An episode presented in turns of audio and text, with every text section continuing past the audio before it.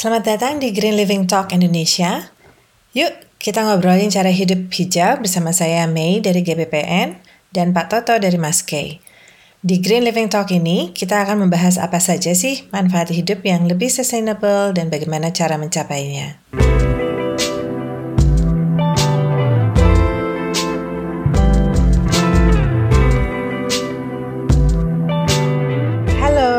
datang kembali di Green Living Talk eh, episode kedua. Hari ini kita kedatangan tamu Pak Yohana Sumario atau dipanggil dengan Pak Mario. Pak Mario adalah eh, ketua dari eh, Perkumpulan Pengguna Listrik Surya Atap atau disingkat dengan PPLSA. Selamat datang Pak Mario. Terima kasih ya sudah bergabung di podcast kami. Eh, boleh dijelasin dikit nggak Pak Mario eh, mengenai apa sih PPLSA atau Perkumpulan Pengguna Listrik Surya Atap itu? Baik, eh, PPLSA atau Perkumpulan Pengguna Listrik Surya Atap adalah eh, tempat bergabungnya atau ya namanya saja perkumpulan ya, tempat bergabung dari kawan-kawan yang kebetulan sejak 5-6 tahun yang lalu mulai eh, menggunakan listrik surya atap di rumahnya maupun di kantor ataupun di tempat bisnisnya. Jadi kami memulai dari sekitar 35 kawan-kawan yang kebetulan mayoritas dari eh, ITB angkatan 79 Oh dan gitu. diikuti oleh para sahabat dan teman-teman yang lain. Ya sekarang sekitar seratusan orang lah yang yang istilahnya join dengan dengan kami ini. Oh, jadi awalnya dari teman-teman kuliah, kemudian jadi meluas. Betul. menarik, menarik, menarik. Nah, untuk masyarakat umum nih, Pak Mario, saya eh, mau tanya, eh, apa sih yang disebut dengan PLTS atap itu? Baik, eh, apa sih sebenarnya PLTS atap? PLTS atap pada dasarnya adalah suatu ekosistem ya kan dari beberapa perangkat baik yang ada di luar rumah maupun yang ada di dalam rumah yang pada intinya peralatan semuanya itu bisa menghasilkan listrik untuk kebutuhan kita seperti halnya listrik yang kita dapatkan dari katakanlah PLN gitu ya. Jadi Hmm. pada dasarnya PLTS atap ini bisa memenuhi sebagian kecil eh, kebutuhan listrik kita maupun sebagian besar atau bahkan seluruh kebutuhan listrik rumah kita kalau kita mau. Oh, itu gitu. PLTS atap. Betul. Jadi tergantung kapasitasnya ya, Pak? Betul tergantung kapasitas dan dan eh, pola beban kita atau pola Hmm. penggunaan listrik kita. Nah, biasanya nih eh, selama ini karena di apa eh, Bapak di Perkumpulan Pengguna Listrik Surya Atap, eh, boleh tahu nggak kira-kira motivasi masyarakat tuh biasanya apa sih untuk berganti dari menggunakan apa, misalnya hanya menggunakan PLN, kemudian mungkin menggunakan mengganti seluruhnya atau sebagian dengan eh, PLTS atap. Kira-kira motivasinya apa sih, Pak? Motivasi yang paling besar dari teman-teman yang ingin mencoba yang namanya PLTS atap ini awalnya iseng. Banyak yang iseng aja. Kenapa iseng? Ya karena ini sesuatu yang sebenarnya teknologinya sendiri sudah lama. Sudah mungkin dari tahun 70-an atau bahkan sebelumnya. Hanya saja kalau dari kalau awalnya atau 40-50 tahun yang lalu teknologi ini kan dipakainya di ruang angkasa, dipakai di satelit, dipakai di eh, International Space Station, sesuatu yang gitu. berbau teknologi tinggi, ruang angkasa lah katakanlah gitu. Nah, belakangan dengan dengan makin berkembangnya teknologi dan makin dalam tanda petik terjangkau harganya ya, sehingga sudah layak untuk dipakai di skala kelistrikan di rumah tangga. Nah, itu makanya kalau ditanya awal-awalnya apa ya iseng aja itu. Iseng nyoba, Hmm. kemudian di, diperbesar, kemudian eh ternyata bisa gitu. Dan kalau kita lihat di luar negeri pun kan juga tren ini sudah mulai 20-30 tahun lalu sebenarnya, tapi dulu masih Ya, sangat ya. mahal. Ya, makin Nah, hari makin murah ya, Pak? 10, tahun makin murah, betul. Hmm. Bahkan sudah mencapai grid parity mungkin 3-4 tahun yang lalu. Itu dalam arti sebenarnya listrik dari PLTS atap ini sudah kompetitif dibanding listrik dari katakanlah membeli dari PLN seperti itu Ibu. Hmm, begitu. Oh, sebanding gitu ya. Ah. Sebanding atau bahkan lebih murah itu tergantung Hmm. kriteria kriteria tertentu. Oh, berarti ini masuk ke eh, pertanyaan berikutnya nih. Ada berapa jenis sih eh, PLTS atap ini? Baik, secara teknologi eh, pada umumnya orang membedakan implementasi PLTS atap di skala rumah tangga ini ada dua. Yang satu istilahnya on grid, dan yang satu off grid. Hmm. Yang on grid itu apa? Yang on grid itu bisa dikatakan sistemnya paralel dengan sistem kepunyaan PLN. Berarti kedua harus ada kerjasama dengan PLN dan harus juga ada izin atau ada uh, ya ada perizinan yang dilakukan dari PLN dan PLN akan memasang yang namanya KWH meter ekspor import atau KWH meter dua arah. Kenapa perlu ini? Karena pada saat kita kelebihan daya di siang hari misalnya kita pasang 5000 watt sementara dan hasil AC-nya sekitar 3000 watt sementara rumah kita siang cuma memakai 1000 nah yang 2000 watt kan harus masuk ke grid PLN nah untuk arah yang istilahnya harus mengalir ke arah PLN itu harus dicatat dengan yang namanya AWH meter ekspor import dua arah. Jadi ada yang mencatat menuju ke PLN dan ada yang dari PLN nah untuk semua persyaratan ini memang uh, baru saja dikeluarkan revisi peraturan Menteri ESDM tentang konsumen PL, PL, PLTS atap ya yang berlaku untuk seluruh uh, utility bukan hanya PLN kalau yang dulu cuma berlaku untuk PLN kalau sekarang untuk PLN plus uh, pemegang wilayah usaha yang lain itu. Itu kalau on grid pada dasarnya diregulasi sangat ketat termasuk dengan peraturan Menteri ESDM Yeah. Jadi kalau di sistem PLTS on grid ini kalau PLN mati entah siang entah malam ya rumah kita ikut mati gitu. Kita nggak bisa menikmati listrik dari PLTS sama sekali gitu ya. Itu sistem on grid. Karena oh. apa ya? Karena memang requirementnya, requirement teknologinya seperti itu bahwa kalau grid utama atau grid PLN-nya mati, PLTS atap harus mati. Ini untuk keselamatan peralatan atau orang di gridnya PLN karena siapa tahu mereka mematikan dengan sengaja karena mau perbaikan misalnya atau maintenance hmm. di sistem hmm. atau gardu atau trafo.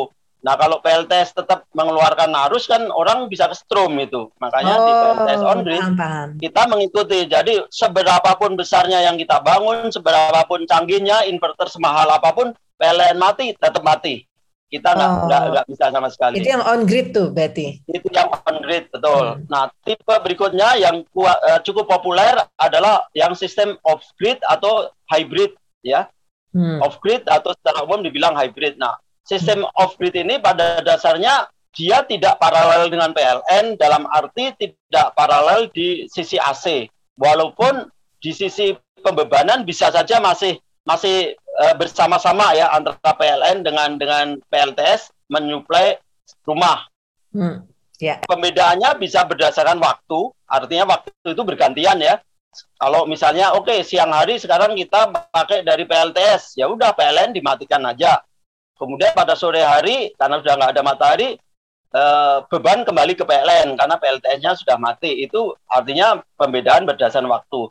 Atau bisa juga berdasarkan beban. Kita misalkan oke okay, sekarang beban kita yang berat-berat AC segala macam mungkin kita tetap suplai PLN yang ringan-ringan lampu malam kemudian untuk kebutuhan yang yang relatif ringan kita pakai PLTS itu bisa juga gitu itu hmm. yang secara umum dibilang off grid nah keuntungan off grid apa kalaupun PLN mati kita masih tetap bisa punya listrik itu yang yang perbedaan utama dengan dengan yang sistem on grid itu ya uh, tapi berarti ada penyimpan energi ya Pak? Ada baterai gitu misalnya? Baterai bisa dikatakan opsional karena dari sisi teknologi kan bisa aja bahwa oke okay, kita cuma butuh untuk listrik siang aja kok kita nggak untuk malamnya misalnya. Nah yeah. untuk sistem seperti itu bisa juga off grid tanpa baterai. Tetapi kalau untuk rumah tangga biasa biasanya memang dilengkapi baterai walaupun kapasitasnya tidak terlalu besar itu ya tergantung kebutuhan. Gitu. Hmm. Jadi bisa dikatakan baterai itu opsional. Nah, kalau dari sisi apa namanya uh, pertanyaan masyarakat umum gitu, misalnya sebetulnya luas atap yang dibutuhkan tuh uh, seperti apa sih Pak? Atau atap yang bagaimana sih? Apakah harus datar? Apakah miring? Terus apakah strukturnya harus misalnya pakai baja ringan atau boleh pakai struktur kayu? Itu bagaimana ya Pak? Baik, uh, secara umum sebenarnya uh, yang paling bagus adalah yang menghadap matahari terus menerus gitu. Tapi kan nggak mungkin Hmm, Karena iya, atap, yeah, yeah. atap rumah kita kan diem gitu ya. Nah, ada teknologi yang namanya teknologi tracker. Teknologi tracker itu uh, dia akan mengarahkan panel surya itu selalu uh, 90 derajat terhadap matahari itu selalu tegak lurus. Jadi kalau pagi hari dia menghadap ke timur, tengah hari menghadap ke atas, uh, kalau sore menghadap ke barat itu teknologi tracker. Tetapi kalau teknologi tracker ini diterapkan di rumah tangga kan terlalu ribet dan mungkin juga cukup mahal walaupun ada juga teman-teman yang yang mencoba itu di rumahnya. Oh, nah, gitu. kalau untuk yang yang tracker ini tentu membutuhkan atap yang di atasnya dak datar itu ya mungkin yang kan ada rumah-rumah yang gede yang di atas atapnya benar-benar datar itu beton itu ya rata yeah. itu karena dengan harapan mungkin suatu saat Sabtu Minggu bisa untuk pesta kebun di atas itu ya karena mungkin tanahnya ke atas uh, pesta kebunnya di di rooftop di atap. Nah itu pesta atap. Tetapi kalau rumah kebanyakan kita kan uh, angle atau miring ya uh, tergantung gentingnya. Nah dari sisi estetika biasanya kita mengikuti apa yang yang kita punya atap yang ada. Jadi walaupun secara teori teoritis mengatakan ya sebaiknya mengarah ke arah utara 15 derajat misalnya tapi kalau atapnya yang tersedia cuma menghadap barat dan timur gimana? Ya pasang aja, nggak masalah. Mungkin uh, uh, performanya mungkin tidak 100%, mungkin 95% atau 96%, tapi nggak masalah itu.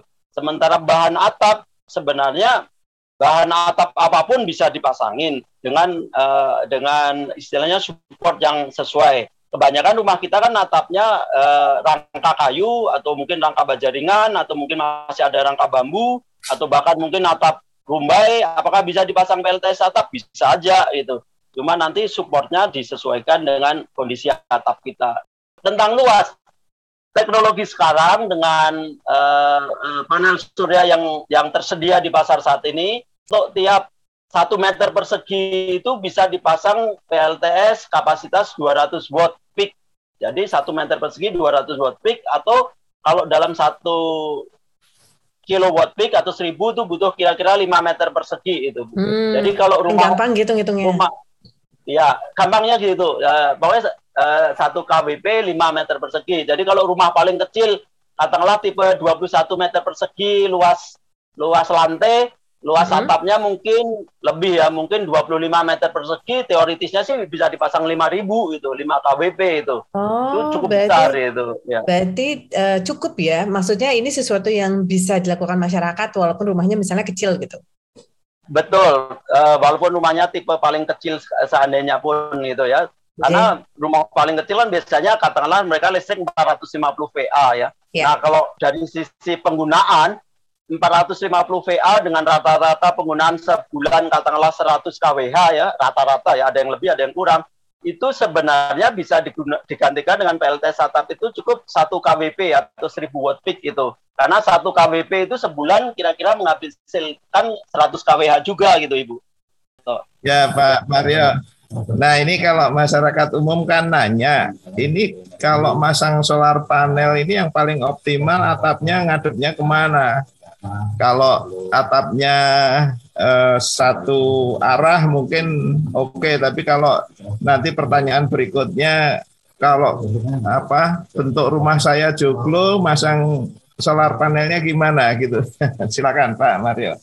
Baik, terima kasih. Secara teoritis kalau uh, kita yang tinggal di sebelah selatan Katulistiwa ya, jadi uh, garis Katulistiwa melewati nol kan mungkin Padang dan Pontianak gitu ya sebelah selatan itu kita pasangnya pasti sedikit menghadap utara dengan dengan dengan harapan bahwa sebagian besar waktu matahari di atas maupun di sebelah utara kita mendapatkan optimum. Tetapi kalaupun rumah kita tersedia atapnya hanya menghadap selatan atau barat atau timur, ya dipasang pasang aja. Perbedaannya tidak terlalu signifikan, mungkin 5-10% saja itu. Cuma yang sering menjadi masalah kemiringan atap. Kadang-kadang kalau joglo kan ekstrim itu bisa sampai 70 derajat bahkan. Nah, yeah. kalau untuk kondisi itu ya harus dipilih yang agak mendatar. Mungkin taruh di atas garasi atau mungkin di atas uh, kamar mandi. Carilah yang kira-kira masih masih sebagian besar menghadap langit lah, bukan menghadap samping gitu. Kira-kira seperti itu, Bapak. Barangkali pertanyaan saya eh, orang kan selalu mengatakan bahwa solar panel itu investasinya mahal. Nah, eh, kira-kira kalau di luar negeri itu skema pemerintah ataupun yang kaitannya dengan dengan finansial itu seperti apa? Terus apakah di Indonesia sudah ada? Apakah eh, perbankan juga akan membantu dan seterusnya barangkali eh, apa bisa di uh, sampaikan Pak Mario. Terima kasih. Oh, baik Pak Toto. Uh, harga teknologi itu kan sebenarnya universal, di mana pun sama. Di Australia, di Jerman, di, di Amerika, di Indonesia, yang namanya harga teknologi itu sama. Jadi kalau di sana harga panel surya katakanlah 0,25 dolar per watt itu ya sama di seluruh dunia sama. Yang membedakan adalah uh, yang disebut regulatory charges. Regulatory charges itu apa? Ya sesuatu yang membawa barang-barang itu sampai supaya legal di suatu negara. Jadi mungkin di suatu negara A atau negara yang lain regulatory charges itu nol, sementara di Indonesia cukup tinggi. Oke, okay? jadi pertama harga teknologi itu sama. Kedua, mahal murah itu kan pasti relatif dan relatif terhadap apa? Ya pasti terhadap harga listrik yang selama ini dibayarkan ke utility atau ke PLN. Dengan kata lain apa? Ya, karena harga listrik yang dihasilkan PLTS dibandingkan dengan harga listrik yang dari PLN, ya tentu saja itu sangat tergantung ke tarif dasar listrik yang berlaku. Jadi kalaupun misalnya harga teknologinya sama, yang lain-lainnya sama, berarti harga katakanlah per KWH-nya sama ya dari PLTS. Tetapi yang satu dibandingkan dengan harga tarif listrik yang katakanlah 30 sen per kWh seperti di Jerman, di Eropa, di, di Australia gitu ya. Dibanding dengan di Indonesia yang rata-rata 10 sen per kWh, ya jelas pasti di Indonesia terasa lebih mahal. Jadi itu Pak masalahnya. Nah, tentang eh, subsidi atau tentang insentif di banyak negara dulu awalnya mereka menerapkan ini cukup agresif. Termasuk Australia itu masih menerapkan dengan yang namanya carbon certificate jadi untuk setiap eh, satu dolar pemasangan, biaya pemasangan PLTS yang baru, ya bukan yang lama-lama, yang baru sekarang, itu mereka akan beri insentif kurang lebih separuhnya ya. Artinya masyarakat tinggal membayar 50% dari harga yang harus dibayar untuk teknologinya. Nah, sekarang kita bisa bayangkan sudah uh, harganya istilahnya harga masangnya didiskon 50%, kemudian harga jual listriknya dibandingkan atau dihargai dengan harga listrik yang tiga kali lebih mahal dari Indonesia. Pasti mereka terasa lebih murah. Sehingga istilahnya uh, payback periodnya kalau di Australia itu bahkan mungkin kurang dari tiga tahun, mungkin cuma sekitar dua setengah sampai ya dua setengah sampai tiga tahun. Di Indonesia karena harga listriknya sepertiga dari harga di Australia, praktis yang angka dua setengah tahun dan kita juga tidak ada insentif ya kalaupun misalnya dianggap sama pun yang tadinya dua setengah tahun di Indonesia jadi sekitar tujuh setengah tahun hanya karena perbedaan tarif dasar listrik saja Bapak. Uh, menarik ya. Jadi memang uh, tantangannya adalah itu, karena kan masyarakat pasti balik-baliknya ke hitungan ekonomi ya Pak. Sebetulnya berapa sih penghematan yang bisa dilakukan dengan uh, kita menggunakan PLTS atap itu? Baik, penghematan. Kalau rata-rata pengguna kita dari yang kalangan paling uh, bawah sampai paling atas untuk tarif yang non subsidi ya, artinya untuk tarif yang 1.300 ke atas. Karena kalau kita ngomongin tarif yang katakanlah 450 VA yang bersubsidi itu keekonomiannya sudah beda lagi. Jadi kita pakai tarif yang normal. Dengan tarif yang normal itu untuk penghematan, untuk pemakaian uh, atau untuk sistem yang on grid pengalaman kami itu maksimum sekitar 35 sampai 40 persen itu penghematan yang maksimum bisa didapatkan untuk sistem on grid. Kalau mau yang lebih ya harus yang namanya sistem off grid karena sistem off grid tidak ada pembatasan ya istilahnya. Bahkan sistem off grid itu bisa sampai 100%. Artinya apa?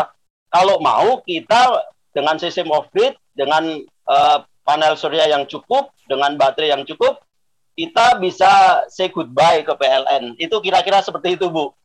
Wow, oke. Okay. Nah, uh, pertanyaan awam lagi nih, Pak Sumario, uh, kalau dari sisi apa biaya, mana yang lebih uh, mahal atau lebih tinggi investasinya di off grid apa di on grid? Ini yang menarik. Kalau awal-awal atau dulu awalnya itu dianggap dalam tanda petik on grid lebih murah gitu ya tetapi dalam perjalanan waktu dan sekarang karena perubahan teknologi juga sistem off grid dan on grid sampai ke inverternya itu sama bahkan harganya sangat-sangat mirip gitu ya, sangat dekat uh, satu sama lain. Bahkan dengan adanya inverter-inverter off-grid yang bikinan dalam negeri, produksi dalam negeri yang harganya istilah anak sekarang itu uh, uh, murmer ya, murah meriah, itu oh, iya. sangat-sangat yeah. membuat kompetitif. Nah, yang membedakan tinggal komponen yang namanya baterai. Uh, untuk ukuran skala kecil rumah tangga ukuran biasa kecil, harga baterai ini sekarang sudah cukup terjangkau dan jika dibandingkan dengan katakanlah uh, biaya regulasi untuk yang mau berubah ke on grid mirip sama itu karena kemarin ada teman yang menstate wah di Jawa Tengah untuk minta uh, uh, KWA Exim itu biayanya total hampir 6 juta gitu dia dia nyebut satu harga maksudnya naikin harga eh naikin itu daya oh, bukan Oh, Jadi kalau dari KWA meter biasa mau ya. request yeah. KWA meter Exim untuk supaya uh -huh. bisa on grid ya yeah. di di daerah Jawa Tengah itu sampai 6 juta loh. Oh, Kita tanya kenapa itu? Ya? Karena di di Jakarta nggak sampai 2 juta. Oh ternyata begitu lihat billingnya di situ ada yang namanya penggantian kotak, kotak apa kontak meter atau apa yang harganya hampir 3 juta. Oh ini yang bikin mahal itu. Jadi, nah hmm. kalau kita perhitungkan semua biaya itu ada opsi lain baterai yang mungkin harganya kira-kira harga 6 juta juga gitu. Jadi hmm. sekarang uh, pilihannya sudah bisa. Oh, kalau gitu daripada kita cuma ngasih itu KWA apa untuk uh, pindah ke KWA on grid dengan biaya segitu mendingan kita off grid aja dengan baterai toh uh, keluar hasilnya sama. Terus ada yang komplain, tapi kan kalau baterai suatu ketika harus diganti, entah 4 tahun, lima tahun, 10 tahun, ya kita nggak tahu umurnya. Tapi yeah. kita juga punya argumen lain. Ya regulasi juga bisa aja diganti. Sekarang memang regulasi baru kan berubah bu. Yang iya. satu-satu yeah. itu yang 100% itu yang jadi untuk setiap satu KWA kita yang kita titip dalam tanda petik ke PLN dihargai dengan satu KWA juga. Sementara di aturan sebelumnya kan cuma dihargai 0,65 gitu ya. Jadi seolah-olah di disunat 0,35 eh, atau 35 persennya. Sekarang dikembalikan ke skema net metering ya satu-satu itu seperti seperti sebelumnya itu. Nah dari semua pertimbangan itu akhirnya pilihan antara on grid dan off grid itu tinggal ya kesukaan dan tinggal eh, seberapa terupdate si orang yang bersangkutan itu kalau orang yang nggak mau ribet nggak mau reward mungkin ah udahlah on grid aja udah habis itu pasang lupakan itu. Tapi hmm. kalau orang yang agak punya uh, unsur iseng-iseng atau punya ini ya senang teknologi. senang teknologi mungkin off grid dan satu tadi yang sudah saya sebutkan sebelumnya kalau on grid penghematan maksimum itu cuma sekitar 35 sampai 40 persen itu sudah maksimum. Kalau off grid kalau mau bisa sampai 100 persen. Itu itu yang membedakan di situ bu. Ya ya ya. Menarik menarik. Ya. Saya menambahkan juga pertanyaannya ini karena terkait dengan dengan biaya murah meriah saya ya. kaitkan dengan pertanyaan di awal. Mungkin tadi Pak Mario kan sudah jelaskan berbagai jenis solar panel dari materialnya dan segala macam. Nah, pertanyaan saya kalau katakan yang paling cocok di Indonesia dengan harga yang termurah itu jenis solar panelnya mau yang monokristalin atau yang amorfos atau yang eh, apa eh, ya atau tipe apa pun. Terus ukuran dasarnya berapa kan? Kalau nggak salah ukuran solar panel itu kan juga macam-macam. Ada yang satu satu kali ya. dua, ada itu. Nah, secara teknis itu yang menurut Pak Mario yang paling yang paling murah meriah dan dan memang cocok di Indonesia dengan apa nanti kecerahan matahari yang berbeda baik beda siang hari sore hari dan segala macam mohon di disampaikan terima kasih Baik, secara umum kan panel surya itu terbagi dua itu ya, istilahnya yang teknologi kristalin dan hmm. ada yang namanya teknologi thin film itu ya, yang yang yang komersial lah maksudnya. Ada lagi tipe lain yang mungkin masih dipakai di uh, di satelit atau di ruang angkasa, tapi itu mungkin kita di luar pembahasan gitu ya. Tapi yang komersial saat ini yang paling banyak kan dua tipe itu antara thin film atau film tipis dan ada yang kristalin. Nah, yang kristalin sendiri uh, terbagi dua, juga. ada yang namanya poli, poli dan mono. mono dan mono ya mono kristalin dan polikristalin dulu mungkin lima bedanya apa itu lalu, ah bedanya apa biasanya Beda. Proses pembentukannya aja, proses waktu uh, istilahnya menumbuhkan kristalnya aja gitu, lebih ke situ. Sementara dari sisi penggunaan tuh hampir sama. Kalaupun dari performance beda-beda tipis lah, dua tiga sampai maksimum lima persen.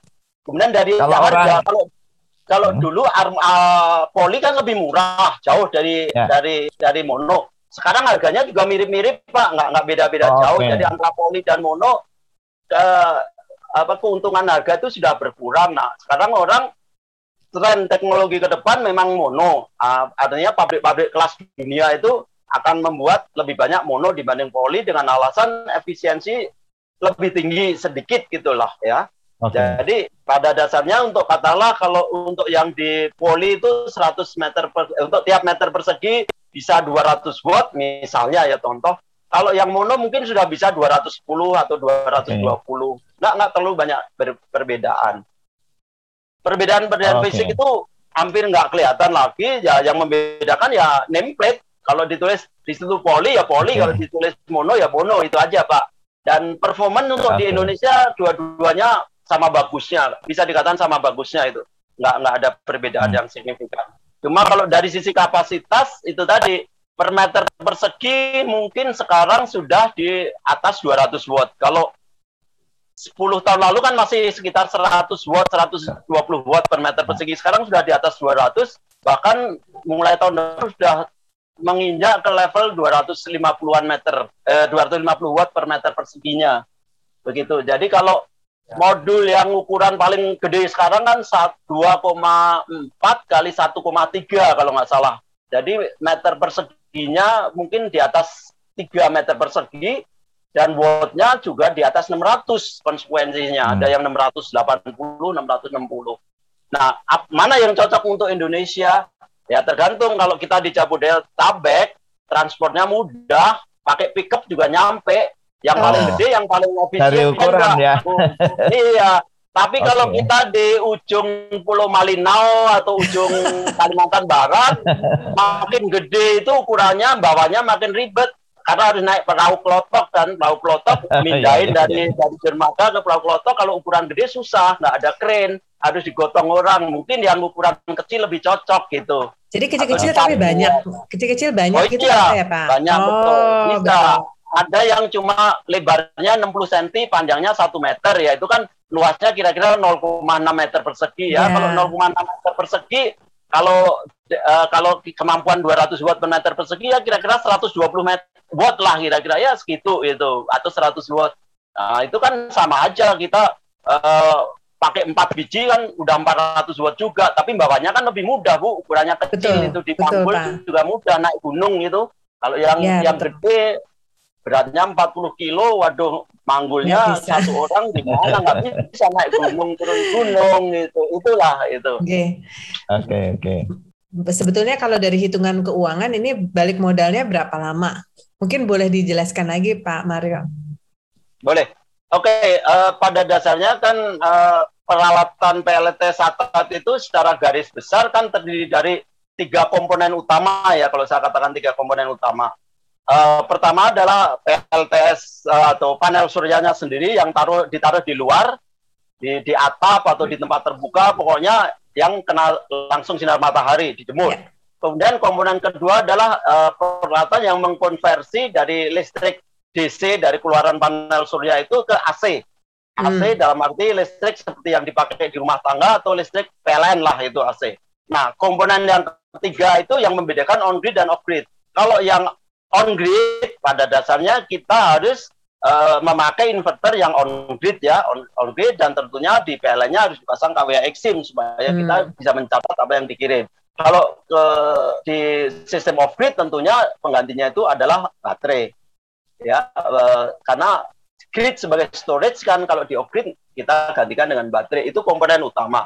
Nah di dalam proses inverter itu kan ada namanya yang juga uh, solar controller ya solar control itu biasanya sudah menyatu dengan inverter itu. Jadi mungkin uh, secara teknis kita anggap aja satu bagian dari inverter itu. Itu saja Bu. Nah, kalau dari sisi biaya itu hmm. memang sangat tergantung dengan ukuran dengan uh, tempat di mana ya mau dipasang. Kalau di Jabodetabek pasti lebih murah dibanding kalau dipasang di uh, provinsi Papua yeah. Barat sana itu yang karena ada biaya sudah selangit itu betul, betul, betul. sama untuk transportasi ke puncak gunungnya itu yang mahal yeah. itu ya di situ tapi kalau dari sisi teknologi mungkin uh, di Jabodetabek itu yang katakanlah bisa dikatakan paling murah ya karena uh, biaya logistiknya yeah. paling murah nah harga sekarang itu memang sangat bervariasi baik on grid maupun off grid mm -hmm.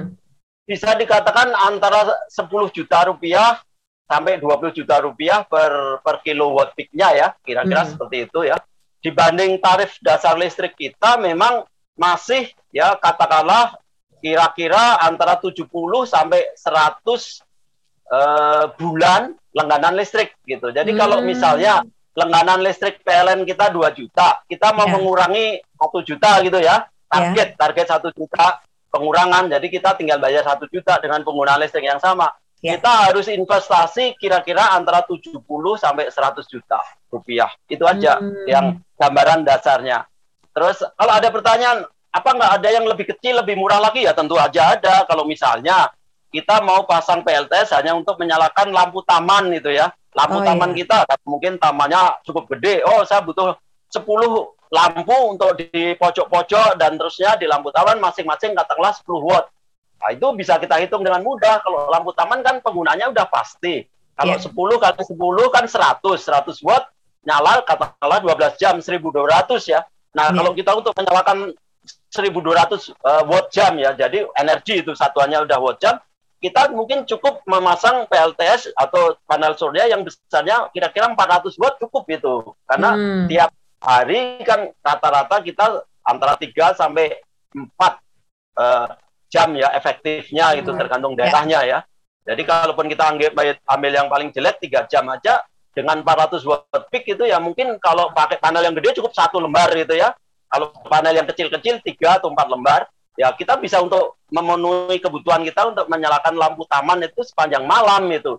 Oke. Okay. Dengan baterai tentunya kalau kalau itu kan istilahnya yang off grid. Off -grid kalau gitu ya. on grid on grid ya kalau untuk sekecil itu sementara pemakaian kita yang lain gede ya mungkin KWA Exim pun kita nggak diperlukan. Begitu, Bu. Oke. Okay.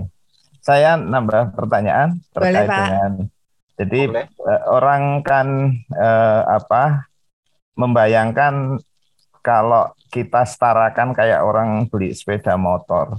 Beli sepeda ya. motor itu kan bahkan sampai bank-bank kecil-kecil di desa-desa aja bisa nyicil motor dengan mudah. Kenapa solar panel ini nggak bisa? Solar uh, apa PLTS atap ini kendalanya di mana sih? Apakah bank tidak tertarik? Apakah karena mereka karena apa namanya eh, pemahamannya juga belum belum paham atau memang karena karena regulasi?